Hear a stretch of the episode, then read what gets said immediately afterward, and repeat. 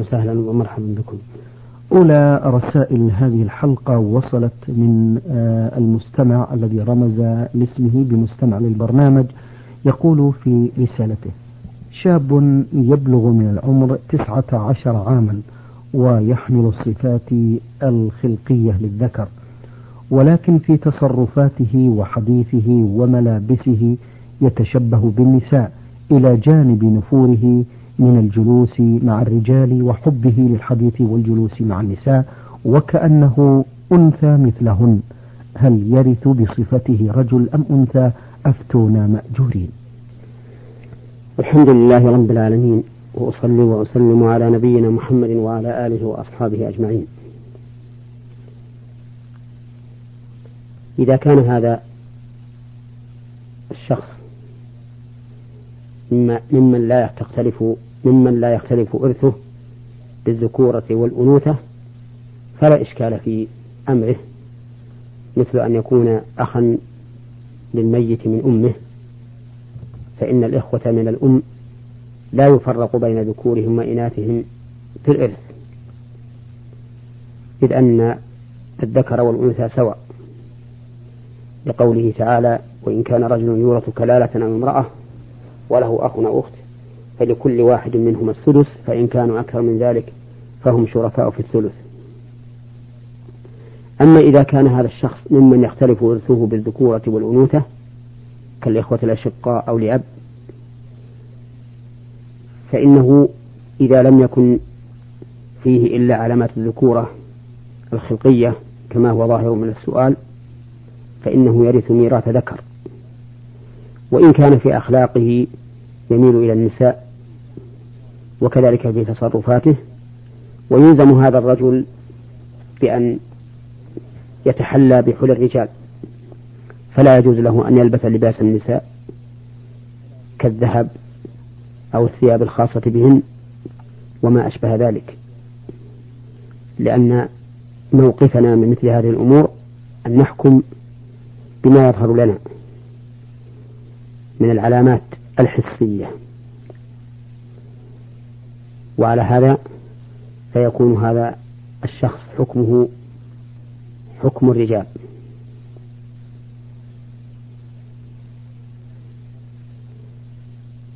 وليس هذا من باب الخنثى المشكل فإن الخنثى المشكل تكون علاماته الظاهرة فإن الخنثى المشكل تكون علاماته الظاهرة الحسية علامة للجنسين مثل أن يكون له فرج أنثى وذكر رجل. وأحكامه عند أهل العلم معروفة وليس هذا موضع بسطها. بارك الله فيكم. آه، المستمع عاشور عوض لكمان يسأل ويقول بعض الناس يصلون وفي ثيابهم فتحات صغيرة يمكن أن آه، يدخل عود الكبريت منها. هل تضر بصلاتهم؟ إذا كانت هذه الفتحات في غير موضع العورة فإنها لا تضر صلواتهم. وإن كانت في محل العورة وينضم بعضها إلى بعض فإنها لا تضر أيضا. لأن بعض الثياب يكون فيه ثقب يسير إن حركته بيدك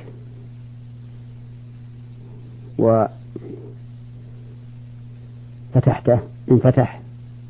وإن لم تحركه وتفتح. انضم بعضه إلى بعض فهذا لا يضر. وإن كانت الفتحة ظاهرة فإن أهل العلم يقولون إن الانكشاف اليسير البسيط ولا سيما إذا لم يكن على السوأتين فإنه لا يضر. ولكن يجب على المرء أن يحترز من هذه الأمور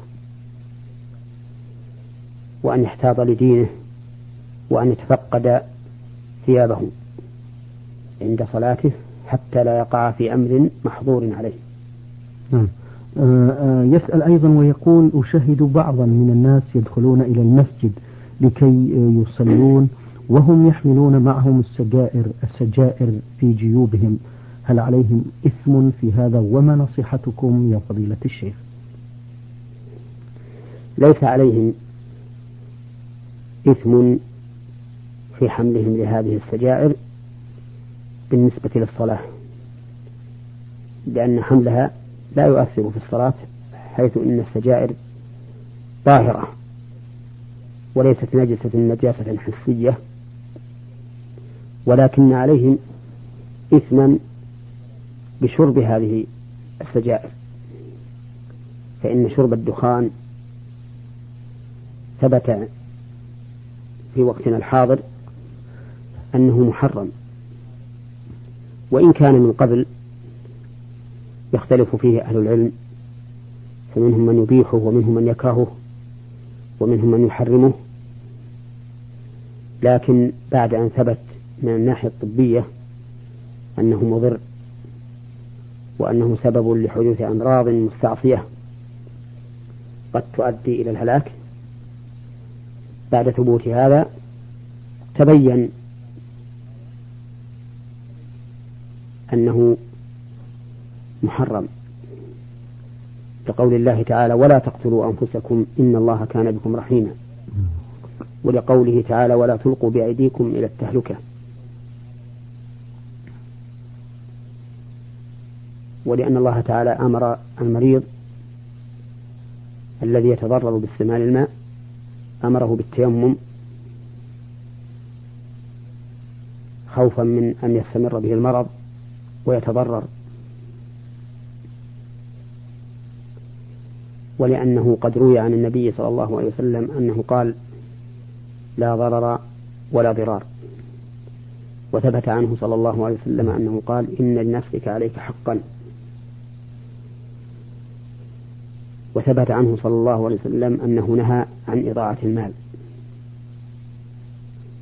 وثبت عنه صلى الله عليه وسلم أنه نهى آكل البصل والثوم من قربان المساجد. وقال إن ذلك يؤذي وإن الملائكة تتأذى مما يتأذى منه بنو آدم. وإذا نظرنا إلى التدخين وجدنا أن الدخان فيه ضرر على البدن وفيه إضاعة للمال وفيه أذية للناس في مجتمعاتهم وكل هذه الأسباب تقتضي أو تستلزم القول بتحريمه. والذي أوجه إلى إخوان المسلمين من هذا المنبر هو أن يتقوا الله عز وجل في أنفسهم وفي أموالهم وفي إخوانهم من المسلمين وأن يقلعوا عن هذه العادة التي مقتضى نصوص الكتاب والسنة تحريمها. وليعلم أن قولنا هذا محرم ليس هو كلمة عابرة. بل هو كلمة لها قيمتها. فإن المحرم يجب على كل مسلم أن يحمي نفسه منه وأن يبتعد عنه لأن المحرمات معاص لله ورسوله والمعاصي تحدث أمر تحدث في القلب أمراضا ربما تؤدي إلى موت القلب. واستمع إلى قول الله تعالى إذا تتلى عليه آياتنا قال أساطير الأولين. كلا بل ران على قلوبهم ما كانوا يكسبون. فبين الله عز وجل أن ما يكتسبه الإنسان من المعاصي قد يران به على قلب العاصي حتى لا يعلم الحق وحتى يلتبس عليه الحق. فهو لا ينتفع بالقرآن بل يرى أنه أساطير لا قيمة لها. وإنما يتلى لإتلاف الوقت وقتل الوقت. فالمعاصي خطيرة على القلب. وما أحسن ما قاله كثير من أهل العلم. إن الإصرار على الصغائر كبيرة من الكبائر. فنصيحتي لإخواني عامة من هذا المنبر أن يتقوا الله وأن يحاولوا بقدر ما يستطيعون التخلص من هذا الشراب المضر المتلف للمال. قد يقول القائل إن التخلص منه صعب ولكن أقول إن الإنسان إذا عزم على فعل الأمر إخلاصا لله واستعان بالله عز وجل وكان قوي النفس صادق العزيمة فإنه يمكنه التخلص منه. وقد رأينا بعض الناس تخلصوا منه بصدق عزيمتهم واستعانتهم بالله عز وجل. وإذا لم يكن التخلص منه فورا فإنه يمكنه أن يتخلص منه بالتدرج. فبدل أن يتناول عشرين سجارة باليوم في اليوم والليلة يقلل شيئا فشيئا حتى يتمكن من الخلاص منه. نسأل الله لنا ولإخواننا المسلمين الهداية والتوفيق للخير. اللهم آمين. آه سؤال أخير آه في رسالة المستمع يقول فيه آه قراءة الفاتحة في صلاة الخسوف والكسوف. مرتين أو أربع مرات. ما الحكمة في هذا؟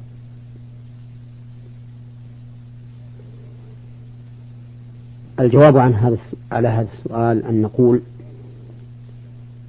إن الأحكام الشرعية كلها لا شك أن لها حكمة لأنها صدرت من عليم حكيم.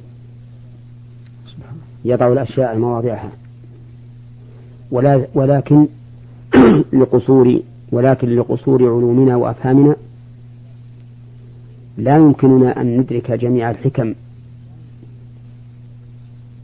في كل ما شرعه الله عز وجل. فإن الله تعالى يقول ويسألونك عن الروح قل الروح من أمر ربي وما أوتيتم من العلم إلا قليلا. فإذا كانت هذه الروح التي بين أضلاعنا والتي هي قيام قيام والتي هي قيام حياتنا إذا كانت مجهولة لنا فما كان أبعد منها فنحن أولى بالجهل فيه من الروح.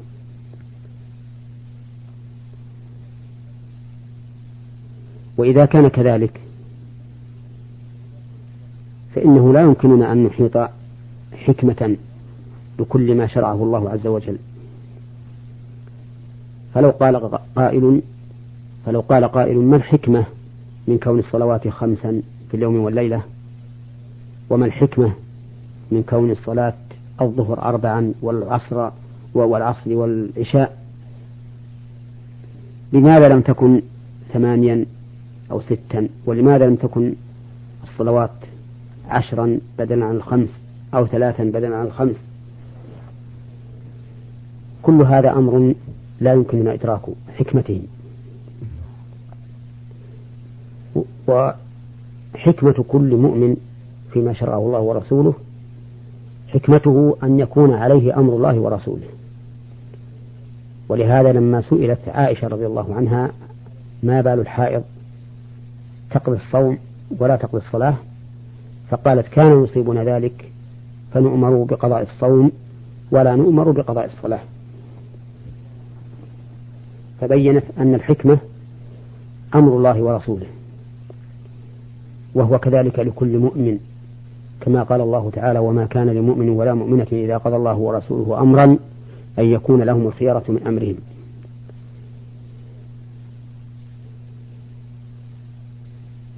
وبناء على هذه القاعدة المهمة العظيمة يتبين الجواب عن سؤال السائل وهو ما, وهو ما الحكمة في تكرار الفاتحة والركوع والقراءة والركوع في صلاة الكسوف؟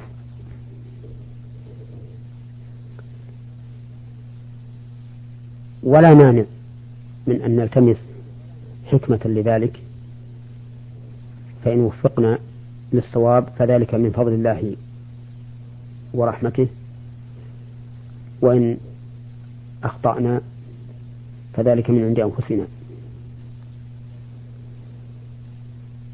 والذي يظهر لي والله أعلم أن الحكمة في ذلك أنه لما كان هذا السبب لهذه الصلاة لما كان هذا السبب لهذه الصلاة وهو الكسوف والخسوف سببا غير عادي شرع له عبادة تكون غير عادية. فإن صلاة الكسوف خارجة عن هيئات الصلاة المعتادة. كما أن الكسوف خارج عن جريان الشمس والقمر المعتاد. هذه حكمة. وحكمة أخرى أنه كرر الركوع فيها والسجود. نعم. أنه كرر فيها الركوع والقراءة محافظة على الاقتصار على ركعتين. فإن صلاة الليل والنهار مثنى مثنى. ولما كان زمن الكسوف يطول غالبا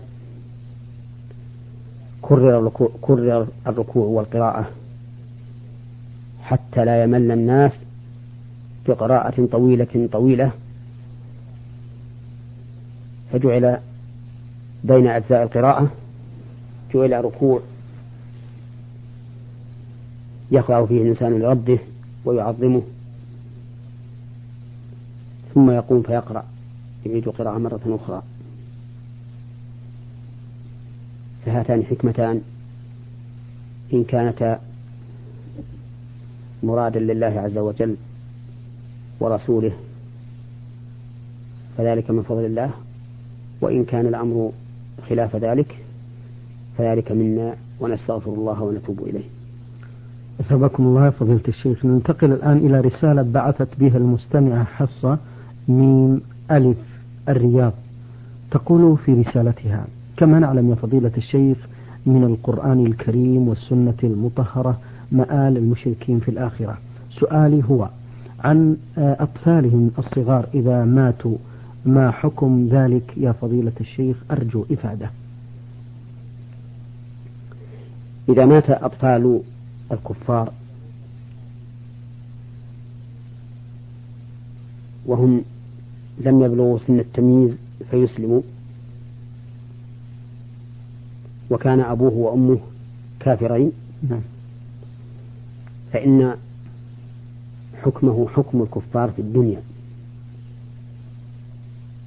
أي لا يغسل ولا يكفن ولا يصلى عليه ولا يدفن مع المسلمين. لأنه كافر بأبويه. هذا في في الدنيا. أما في الآخرة فالله أعلم بما كانوا عاملين. وأصح الأقوال فيهم أن الله سبحانه وتعالى يختبرهم يوم القيامة بما يشاء من تكليف فإن امتثلوا أدخلهم الله الجنة وإن أبوا أدخلهم النار. وهكذا نقول في أهل الفترة ومن لم تبلغهم الرسالات إنهم إذا كانوا لا يدينون بالإسلام حكمهم في الدنيا حكم الكفار. وأما في الآخرة فالله أعلم بما كانوا عاملين. يختبرون ويكلفون بما يشاء الله عز وجل وما تقتضيه حكمته. فإن أطاعوا دخلوا الجنة وإن عصوا دخلوا النار.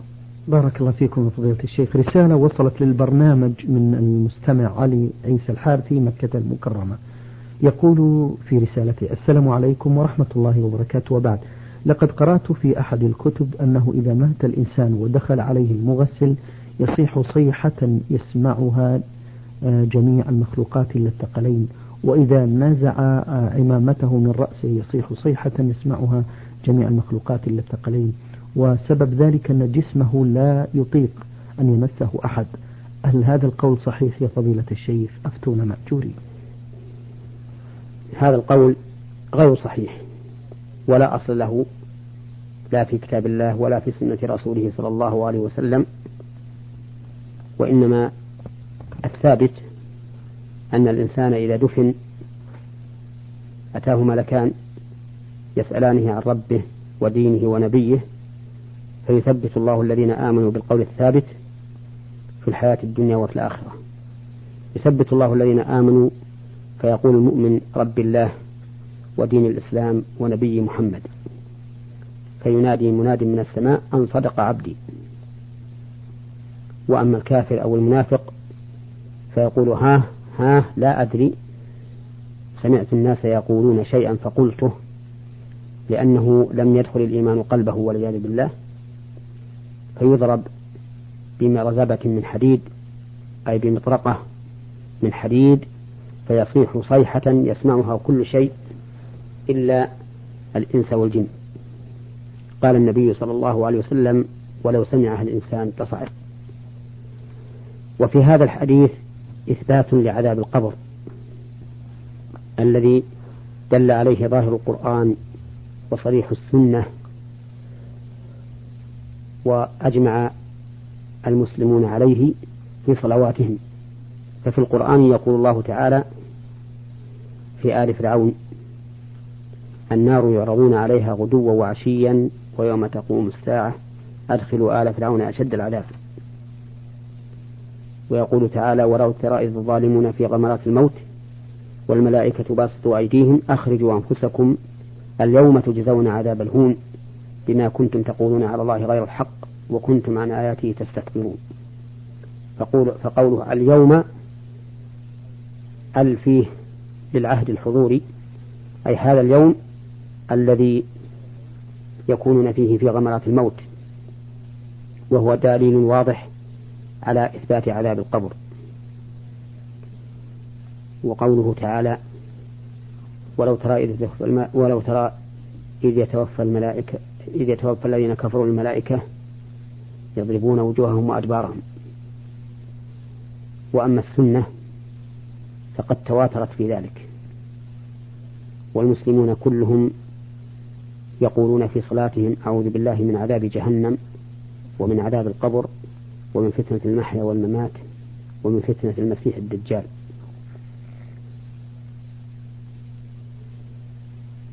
فعذاب القبر ثابت بدلالة الكتاب والسنة ولا شك فيه. ولهذا يجب على المرء أن يكون حذرا مما يكون سببا لعذاب القبر. وفي الصحيحين من حديث ابن عباس رضي الله عنهما قال مر النبي صلى الله عليه وسلم بقبرين فقال إنهما لا يعذبان وما يعذبان في كبير أي في أمر شاق عليهما. أما أحدهما فكان لا يستبرئ من البول وأما الآخر فكان يمشي بالنميمة.